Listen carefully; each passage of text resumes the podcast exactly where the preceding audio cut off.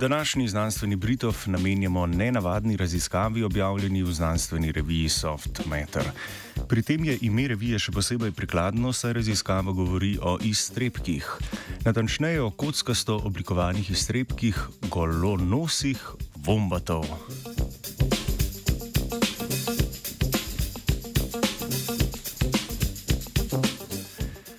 Vombati so družina iz podrazreda vrečarjev in živijo v Avstraliji. So zelo dobro prilagojeni na sušne pogoje in lahko preživijo ob zelo nizki ravni hranil, ki jih dobijo le iz trav in šašev. Znani so potem, da imajo iztrebke kockaste oblike, ki za živalski svet sicer niso običajni. Gotovo ste že opazili, da je povprečni iztrebek ljudi ali kakšne druge živali bolj valjaste oblike.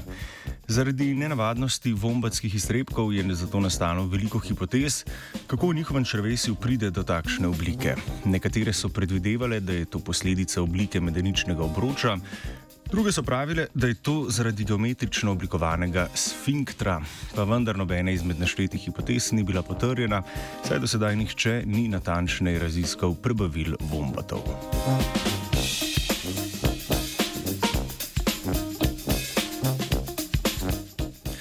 Kot že omenjeno, je raziskovalna skupina opazovala iztrebke golonosih vombatov, saj naj bi imela ta vrsta vombatov najbolj izrazito kockaste iztrebke.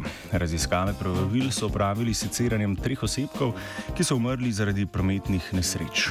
Na to so pripravili simulacijo črvešnih kontrakcij. S tem so preverili, kakšna kombinacija krčev privede do najbolj kockaste oblike iztrebka.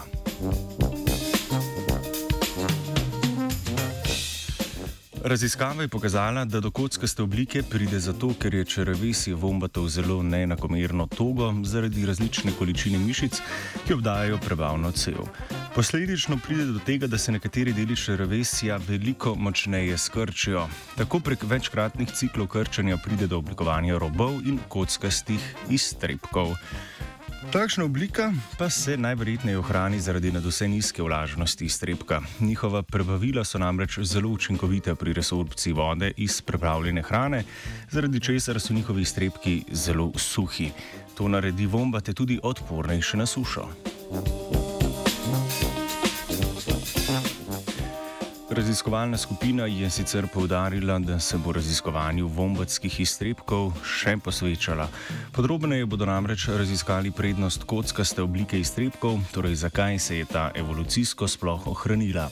Pripravili bodo tudi boljše simulacije krčenja črvesja, ki bodo bolje pokazali natančen proces izoblikovanja iztrebka. Nenavadne iztrebke je opazovala Dora.